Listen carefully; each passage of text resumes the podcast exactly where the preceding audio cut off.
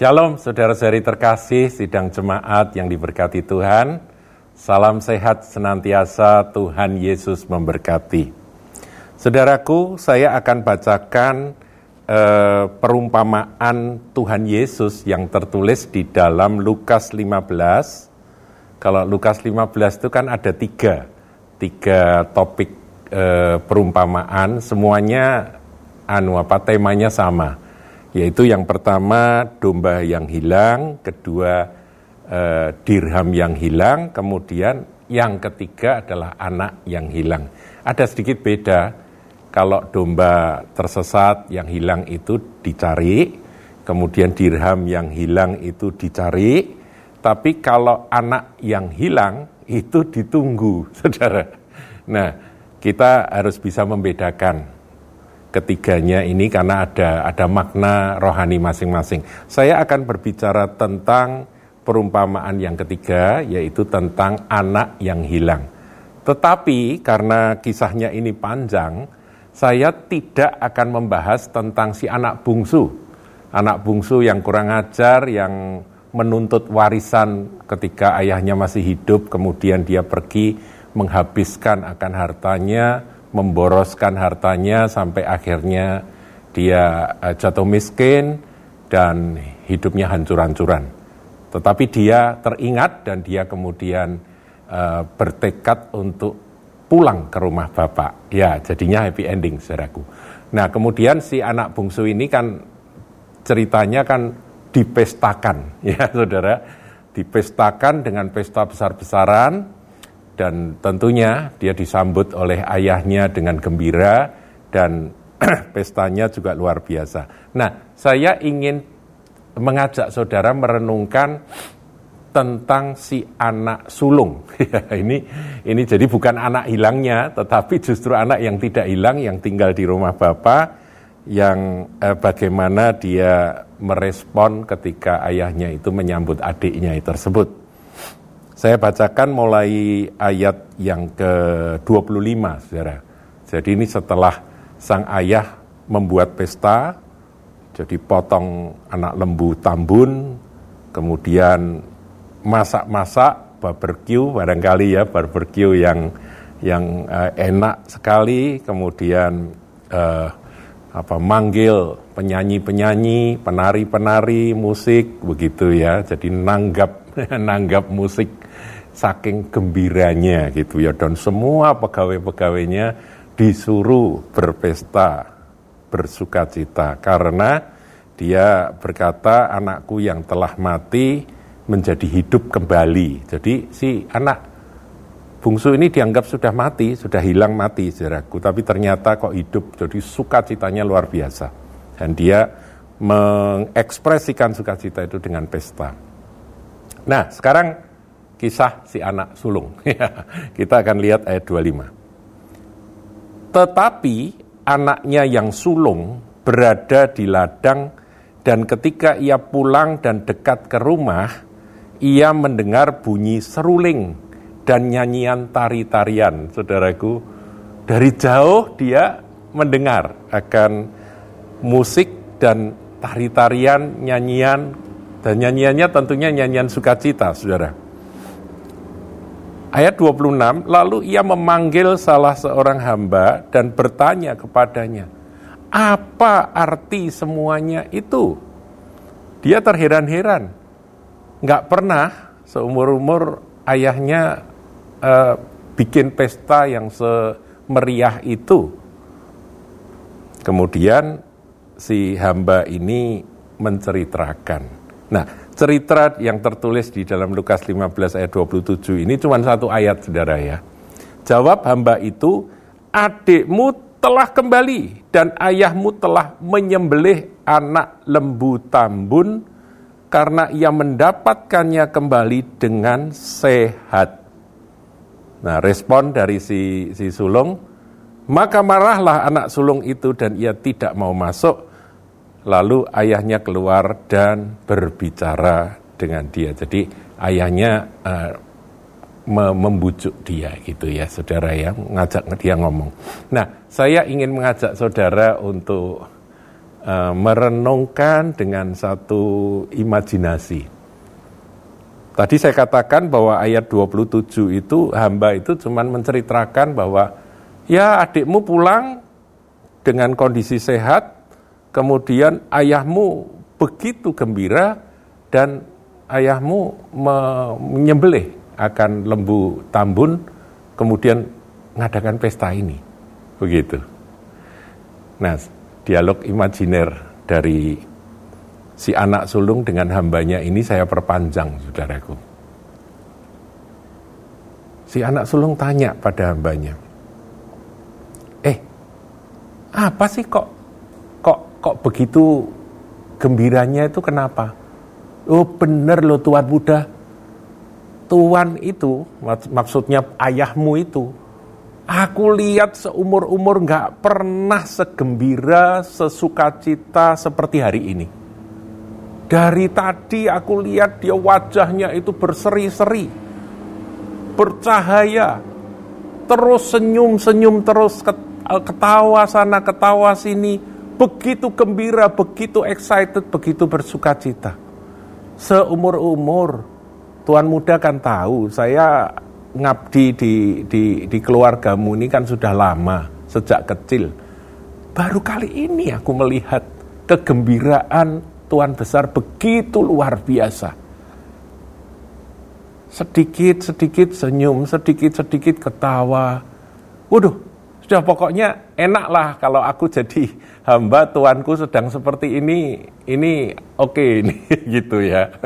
Maksudnya hatinya itu gembira begitu, saudara ya. Hmm.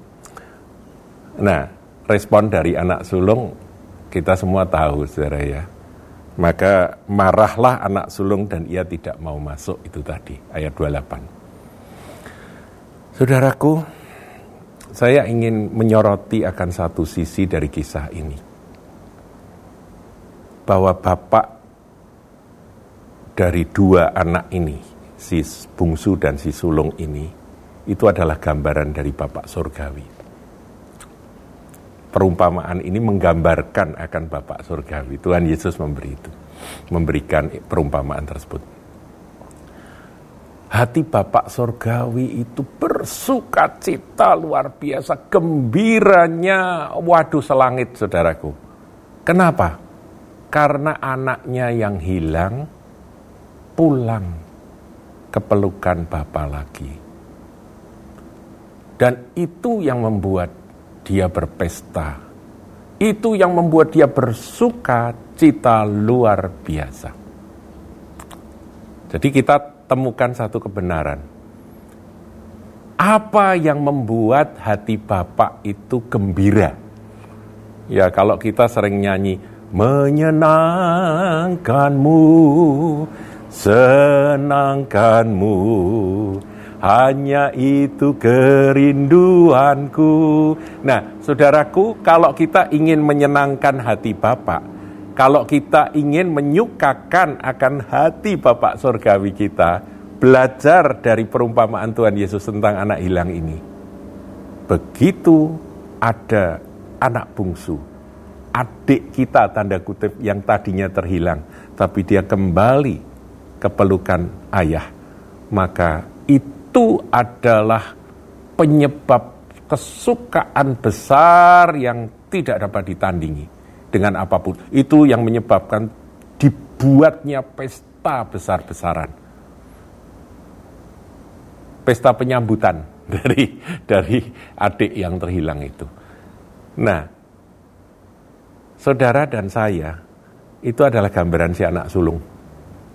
Karena kita tidak terhilang, kita tidak meninggalkan Bapak. Nah, saya ingin saudaraku kita belajar dari kisah ini. Kok malah marah ketika adik yang terhilang itu pulang ke pangkuan Bapak?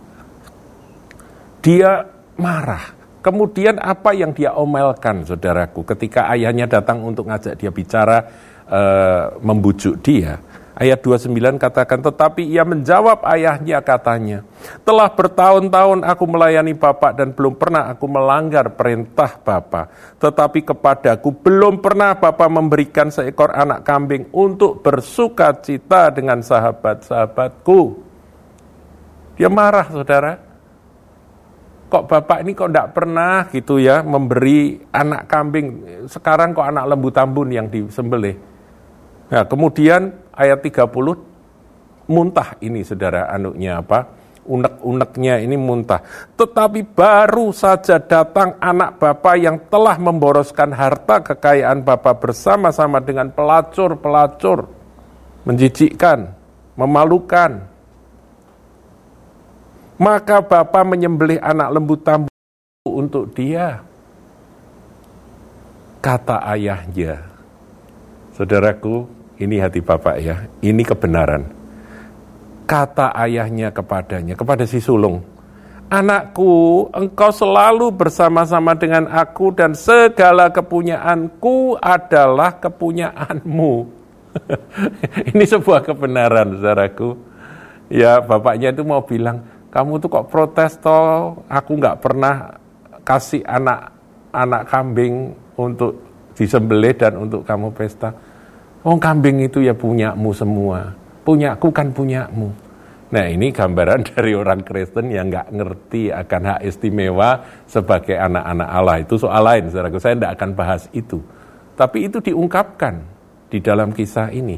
Banyak orang Kristen iri hati ketika ada petobat baru, ketika ada orang yang dulunya hidup rusak kemudian dipulihkan oleh Tuhan dan dia di, di, di ya, tanda kutip itu begitu di, dimanjakan oleh Bapak Surgawi sehingga hidupnya itu luar biasa. Yang sudah lama setia ikut ikut Tuhan marah, iri. itu sering terjadi ya. Sering terjadi. Dikatakan aku belum pernah melanggar perintah Bapak. Jadi dia itu betul-betul seperti orang yang taat tidak pernah melanggar akan perintah bapaknya. Jadi dia memperlakukan diri itu seperti hamba, seperti pegawai. Nah sampai bapaknya itu ngomong, nak, nak semua punya bapak ini kan punyamu, semua punya ayah ini kan punya kamu. Jangan kata kamu mau makan anak lembu dengan teman-temanmu, eh, anak kambing ya saudaraku, anak lembu kamu ambil bapak juga oke-oke saja. Nah ini ini tadi sekali lagi ini soal lain saudaraku ya. Ini adalah soal pewahyuan bahwa eh, di dalam Tuhan sebagai anak-anak Allah itu kita ini punya hak istimewa. Tetapi hati Bapak ini yang harus kita miliki. Dan kalau kita rindu menyukakan hati Bapak, ketahuilah saudara, hal yang paling menyukakan hati Bapak adalah ketika adik-adik tanda kutip yang terhilang itu bisa kembali. Saudaraku, Tuhan itu datang. Tuhan Yesus maksud saya datang. Sang Putra Allah itu diutus oleh Bapa Surgawi. Untuk apa? Untuk menjangkau. Tuhan Yesus nggak pernah iri kok. Ada orang-orang berdosa diselamatkan. Dia justru datang untuk mereka-mereka yang berdosa yang terhilang. Ini adalah contoh anak sulung yang benar, saudaraku. Ngerti ya? Tuhan Yesus kan juga disebut saudara sulung kita. Nah dia itu contoh anak sulung yang benar. Dia mengorbankan akan dirinya menjadi korban tebusan bagi adik-adiknya. Seharusnya seperti itu. Dan Yesus itu menyukakan hati Bapa luar biasa karena Bapak itu kegembiraan dan kebahagiaan hati Bapak itu cuma satu, yaitu ketika manusia yang terhilang ini boleh kembali kepada Dia. Hari-hari ini, saudaraku, ketika masa pandemi, di mana Tuhan bergerak dengan caranya, agendanya. Kalau saudara buka di tayangan-tayangan YouTube, saudara boleh melihat bahwa ada begitu banyak orang-orang yang bersaksi dari pembenci Kristus mereka menjadi orang yang jatuh cinta kepada Yesus Kristus dan siap mati bagi Tuhan Yesus. Nah, kita bersyukur saudaraku untuk semuanya itu. Dan saya percaya hari-hari ini kita mulai berbalik, berubah, belajar seperti Yesus, seperti saudara sulung yang benar, yaitu apa pun kita berani bayar demi keselamatan bagi umat manusia di bumi ini. Itulah adik-adik yang akan kembali. Dan itulah hal yang paling menyukakan hati Bapa Surgawi. Kalau contoh dari ini, ya contoh dari uh, saudara sulung yang ada dalam perumpamaan ini, wow payah ini. Kita jangan contoh. Dia marah malahan ya saudara ya. Tetapi kalau mau mencontoh saudara sulung yang benar itu ya Tuhan Yesus. Dia datang, dia mati tersalib hanya demi supaya manusia yang berdosa boleh kembali kepada Bapa.